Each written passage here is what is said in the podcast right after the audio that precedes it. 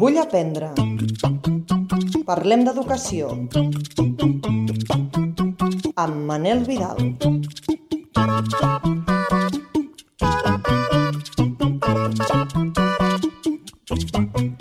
Benvingudes i benvinguts a un nou episodi de Vull aprendre, aquest podcast educatiu que, com potser heu vist, hem estat un parell de mesos una mica aturats i aturades.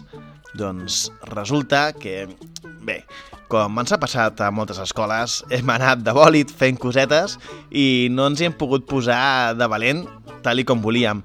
Però és que, a més a més, tenim moltes coses que hem estat preparant que encara no podem explicar. Estem acabant de tancar quatre cosetes i de seguida que ho tinguem ho farem públic i ho compartirem amb vosaltres.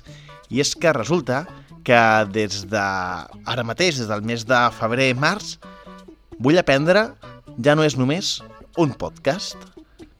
No sé si avançar-vos més o deixar-vos amb la intriga, però us diré que ens hem constituït com a associació sense ànim de lucre i el que volem és créixer i acompanyar-vos molt més enllà que no només escoltant els nostres podcasts.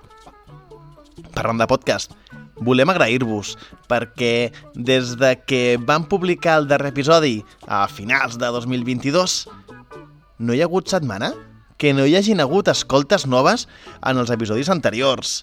I per nosaltres això és meravellós, perquè ho fem per amor a la nostra professió, que és la docència, i que ens escolteu i que ens escriviu és fantàstic. Bé, em sembla que m'estic enrotllant massa i en l'episodi d'avui tindrem una conversa que ha enregistrat l'Eulàlia, que tot seguit us explicaré. I, a més, tindrem una nova recomanació d'una aplicació. I després sentirem la Noé, de Càlex de Mestres, que ens porta unes recomanacions ben xules. Recordeu que ens podeu seguir a les xarxes. Ens trobareu com a arroba vull aprendre. Comencem? Va, que jo vull aprendre. I tu?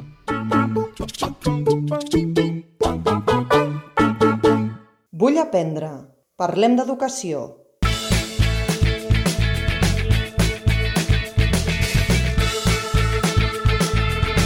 Tastet d'apps.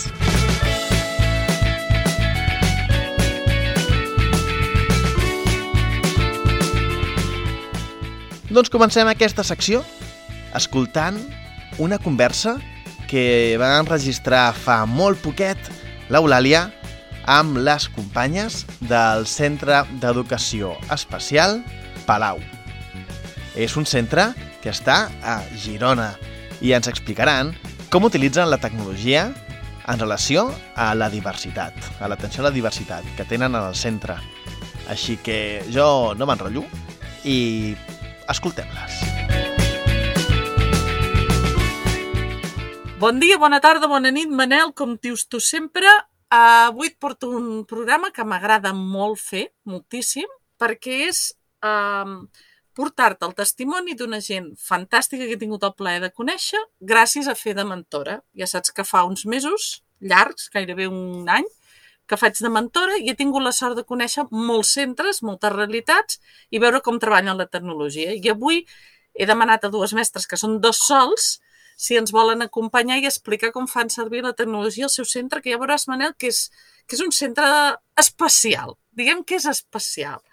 Mira, et presento la Rosa Salido i l'Eva Bitlloc, que són això, dues mestres estupendes d'un dels meus centres, i que voldria que fossin elles mateixes que et digués com és el seu centre. Per tant, Rosa, Eva, quin, de quin centre veniu? Com és, com és el vostre alumnat? Nosaltres venim de, del Centre d'Educació Especial de Palau, a Girona, i bueno, és un centre d'alta complexitat. Eh, com bé diu el nom, és d'educació especial, llavors l'alumnat que tenim eh, majorment, majoritàriament són eh, alumnes amb paràlisi cerebral, amb problemes de mobilitat i problemes per comunicar-se. És el que més ens caracteritza. Ara comencem a tenir altres perfils d'alumnats, però fins ara principalment eh, eren els PC. Rosa, deies aquest tipus d'alumnat. Quines edats teniu alum els alumnes a l'escola? Els alumnes entren a l'escola amb 3 anyets i surten amb 21. Per tant, toqueu tant infantil com primària com secundària si ens baséssim amb l'escola ordinària. Si ens basem amb l'edat, sí. Són les tres etapes, aquí mateix. Després la sortida, doncs, va en funció de les capacitats d'aquest alumnat. Clar, no ens podem basar allò en dir surten amb 18, surten amb no sé què, depèn cada alumnat, no? Sí, aquí cada alumne és un món. I, la, I les edats també, fins als 18, els pares mm, tenen l'opció de dir doncs a 18 canviem de centre o allarguem l'escolarització fins als 21. Aquí és la decisió dels pares. Els pares són els que decideixen si allarguen l'escolarització.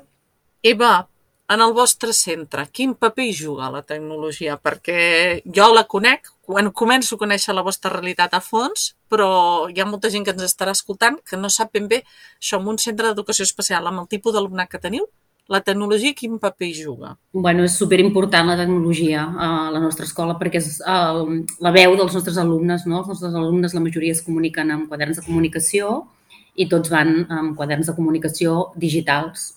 En paper ja se'n fa servir, però clar, és molt més àgil, molt més ràpid, molt més pràctic comunicar-te amb un quadern de comunicació que sigui a través d'una tauleta, d'un ordinador portàtil, d'un sobretaula, etc. Llavors, bueno, internet i uns ordinadors o, o tauletes és el més important uh, per comunicar-nos, evidentment. Sí, sí. Que em deies que era bàsica la tecnologia amb vosaltres, perquè si... Això, gent que no es fa la idea, perquè jo no me la vaig fer fins que no ho vaig veure. Uh, eines que feu servir, això que deies de comunicar, com es comuniquen els alumnes amb vosaltres? Vull dir, apreten, fan clic, mouen alguna cosa, què fan?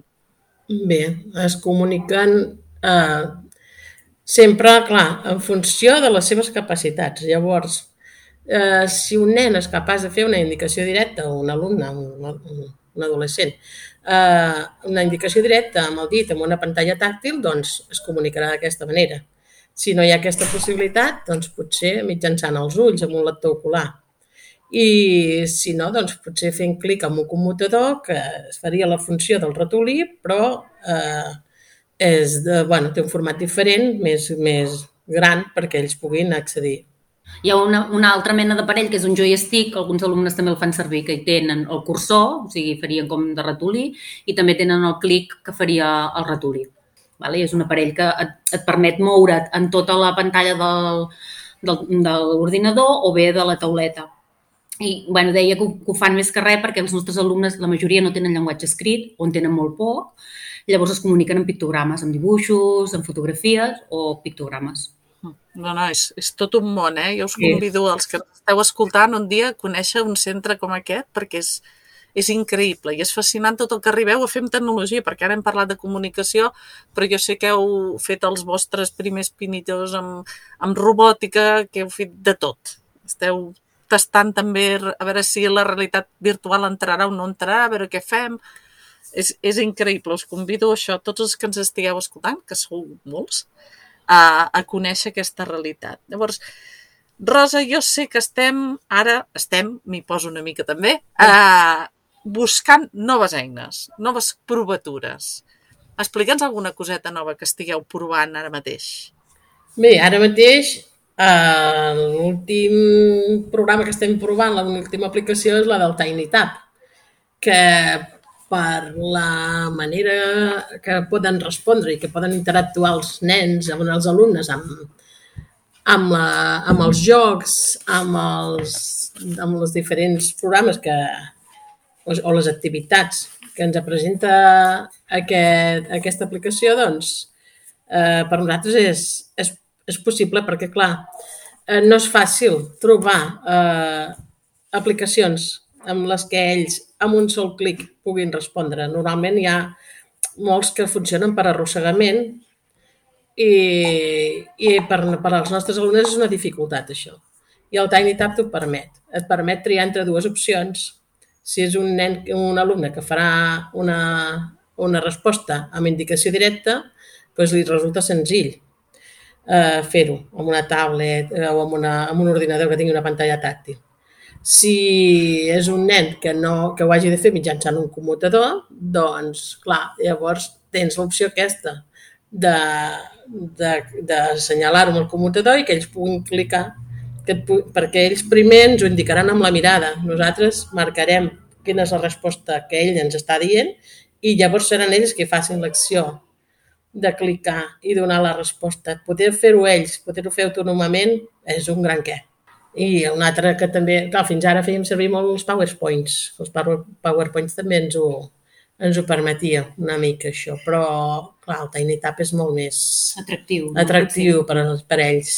Té més format de joc i, i clar, els agrada, els agrada. Sí, sí. Clar, Eva, és que ara ens comentava la Rosa això i potser és que no en som conscients moltes vegades de dir, no, si aquesta app és senzilla o aquest robot és senzill, però clar, la Rosa ens deia, per exemple, tot el que sigui arrossegar no és possible. Hauria de ser molt intuïtiu. I el TinyTap el que ens està permetent de moment, eh, Rosa, és crear les pròpies apps. De dir, no, no, ja me'l creu jo. No trobo aquest material, me'l creu. I això volia lligar a Eva i Rosa amb la última pregunta, si em permeteu, que és, eh, amb el TinyTap estem creant apps, abans hem parlat que també heu, heu buscat maneres d'acostar la robòtica, d'acostar tot el que és la tecnologia als infants, però moltes vegades calen adaptacions.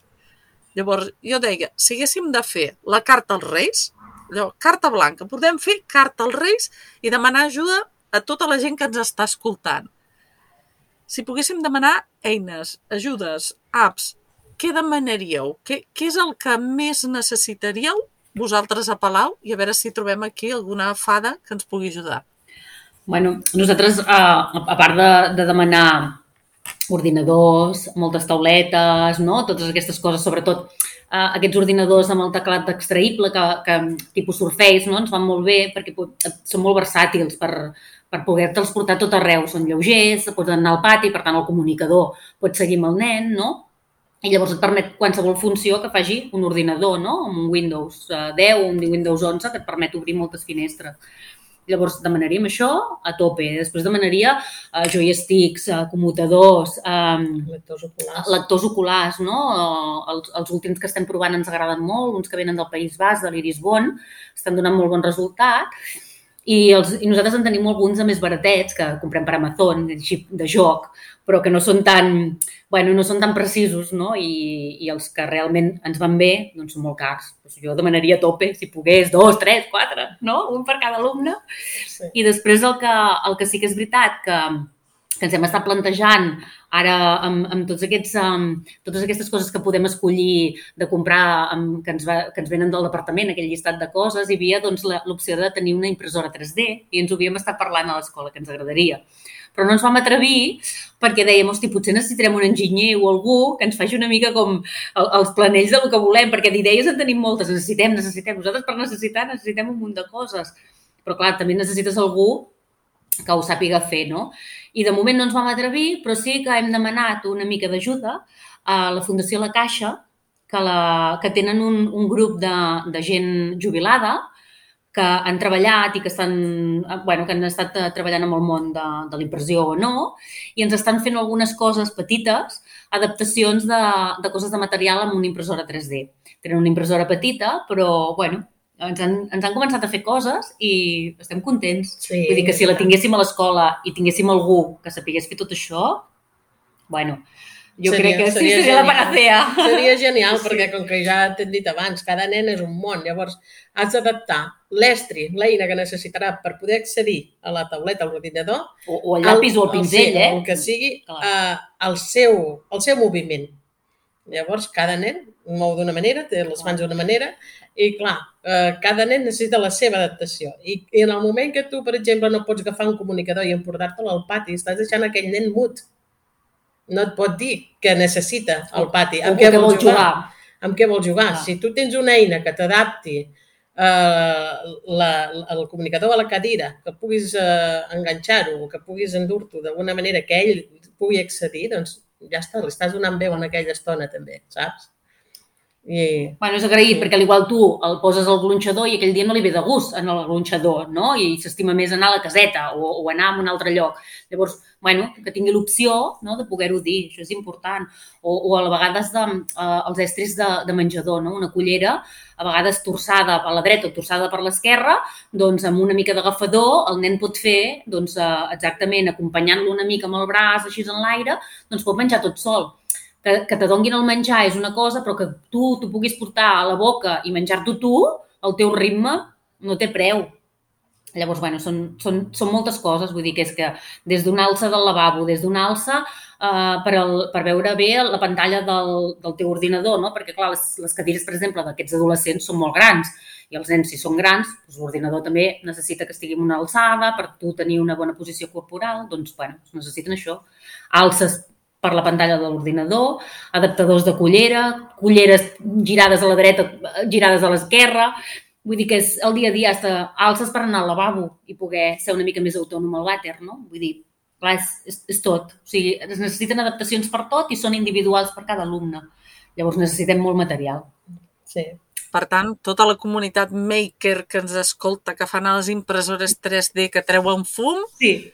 aquí teniu unes clientes Potencials. de- potencials que us necessiten, si us plau, comunitat maker d'aquests que feu voluntariat i feu coses per tothom. Escolta, aquí hi ha una gent que realment en trauria molt de profit de, de la vostra expertesa i de les vostres màquines. Per tant, ja ho sabeu, si us plau, a Palau falta gent. Sí. Noies, Esteu tant. convidats i tant i tant. I tant, perquè augmentar l'autonomia dels nostres nens és augmentar-los la seva autoestima i, i és molt important per a ells.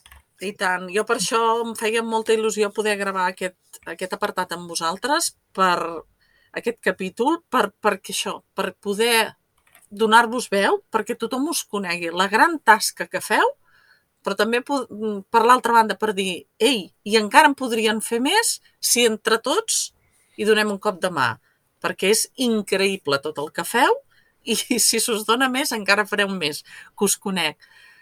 Noies, moltíssimes gràcies, de veritat, moltíssimes gràcies. A tu per això? A tu, per donar-nos visibilitat, per donar-los veu als nostres alumnes. Això. Faltaria més. Moltíssimes gràcies.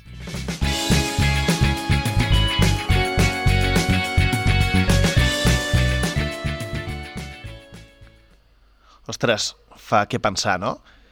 Tota aquesta comunitat maker o les persones que estem a prop d'aquest món maker, jo penso que podríem fer alguna cosa, no? Si voleu contactar amb elles, o les escriviu directament, recordeu que a les notes del programa teniu també els enllaços per contactar amb alguna d'elles, ja sigui via Twitter o la seva pàgina web, o bé també ens podeu escriure a nosaltres i intentem organitzar-nos de tal manera que aquest col·lectiu maker que sou tan actius i tan actives puguem fer cosetes per ajudar aquestes escoles que tenen ganes i que van creixent. I per acabar aquesta secció, avui tenim una nova recomanació d'una aplicació.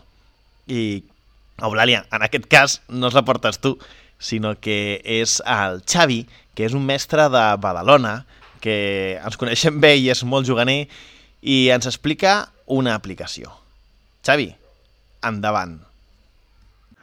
Hola Manel, doncs t'envio una recomanació pel teu podcast, per la secció de la de l'Eulàlia Canet sobre, sobre les apps. I és una aplicació web que es diu PixLR i la web és pixlr.com i que és un editor d'imatges. Molt senzillet d'utilitzar, però amb molt bons resultats. Eh, Vindria a ser com un Photoshop eh, gratuït. Hi ha dos, dues versions de l'aplicació, tal com entres, hi ha una aplicació que és de color blau, que és més senzilleta, i una d'un color més turquesa, que és més sofisticat. Té més eines.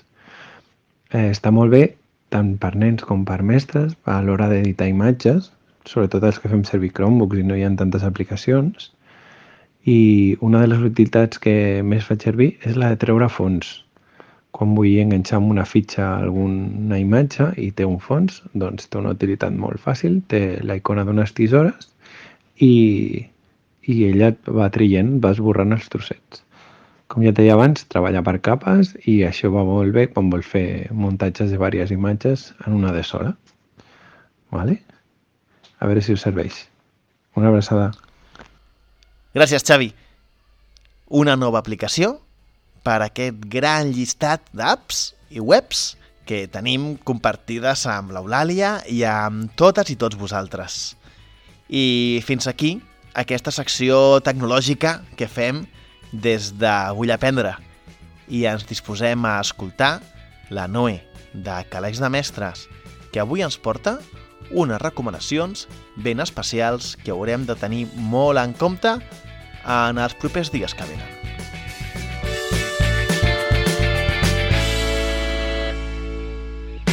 Vull aprendre.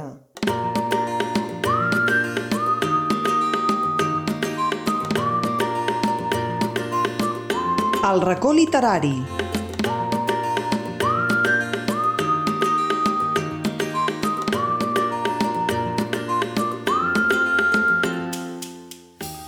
Hola, hola, com esteu? Espero que tots i totes estigueu d'allò més bé. Mireu, aquesta vegada us vull recomanar dos contes que entre ells tenen doncs, un gran lligam i és el seu, el seu protagonista, que en els dos contes són un ratolí, i també el lloc on es narra, que són, és el bosc, tant en un conte com l'altre. Els dos contes podrien ser explicats o compartits tant a educació infantil com a educació primària, sobretot al cicle inicial de primària. I, i poqueta cosa més pel que fa a la, la vinculació entre un conte i l'altre. M'endinso en el primer dels contes, que és Un any al bosc del ratolí, és de l'editorial Baula, i per mi és un conte preciós, o sigui, és un d'aquells contes que s'hauria de tenir a, a totes les escoles. És un conte que jo recomano molt doncs, que es comenci a l'inici de l'any, al, al mes de gener. És per això també que us l'he volgut recomanar ara, perquè és, el nostre, és la nostra primera recomanació de l'any i tot i que doncs, estem començant, encetant el mes de març, doncs eh, us el volia recomanar.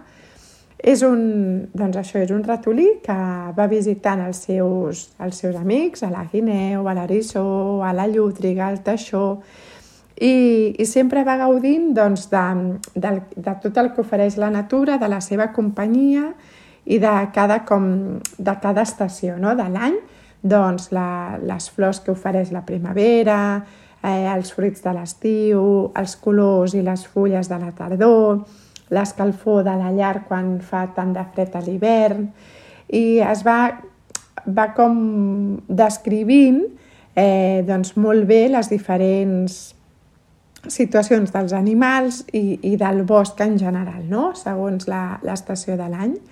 I a més a més eh, és un conte que per mi doncs, té com una peculiaritat que el fa doncs, molt bonic i molt especial i és que és un conte de solapes. Aleshores, a sota de cada solapa podem trobar com és l'interior de, de les cases dels amics del ratolí i això fa que sigui un conte mm, exquisit, o sigui, us el recomano moltíssim.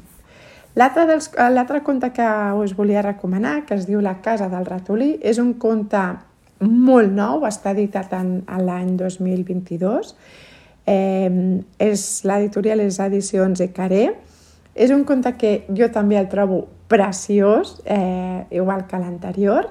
El seu protagonista, com ja us he dit, és un ratolí, en Llorenç, que és un ratolí mmm, molt empàtic, molt agradable i molt amic dels seus amics, no? i molt generós. Aleshores, ell sempre va amb una caseta a sobre, a l'esquena, i en aquesta caseta tots i totes són benvinguts i benvingudes.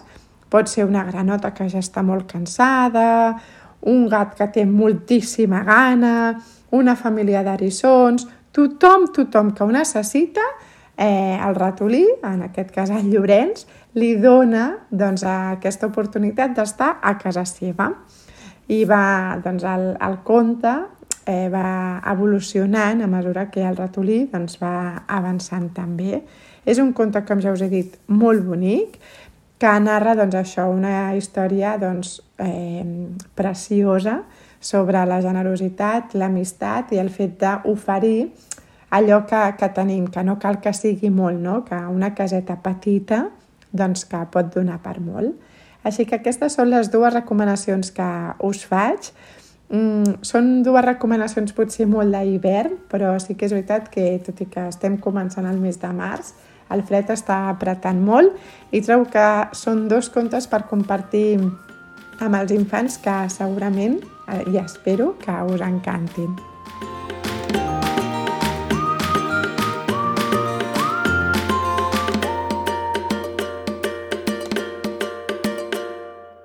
Parlem d'educació amb Manel Vidal. Bé, doncs això ha estat tot per avui. Noé, moltíssimes gràcies per aquestes recomanacions i a vosaltres, oients, recordeu que trobareu tota la informació a les notes del programa i a www.vullaprendre.org. Recordeu que podeu seguir-nos a les xarxes, on ens trobareu com a arroba vullaprendre. Va, ens veiem, esperem, en 15 dies, ara sí, o potser abans, qui sap. Nosaltres continuem treballant per oferir-vos nous programes, nous episodis, on poder conèixer tecnologia, on poder conèixer literatura, on poder conèixer jocs i com els utilitzem a l'aula. Perquè nosaltres, com a vocació de servei, volem compartir cultura i educació amb totes i tots vosaltres. Així que ens veiem molt aviat. Que tingueu molt bona setmana i recordeu que jo vull aprendre. I tu?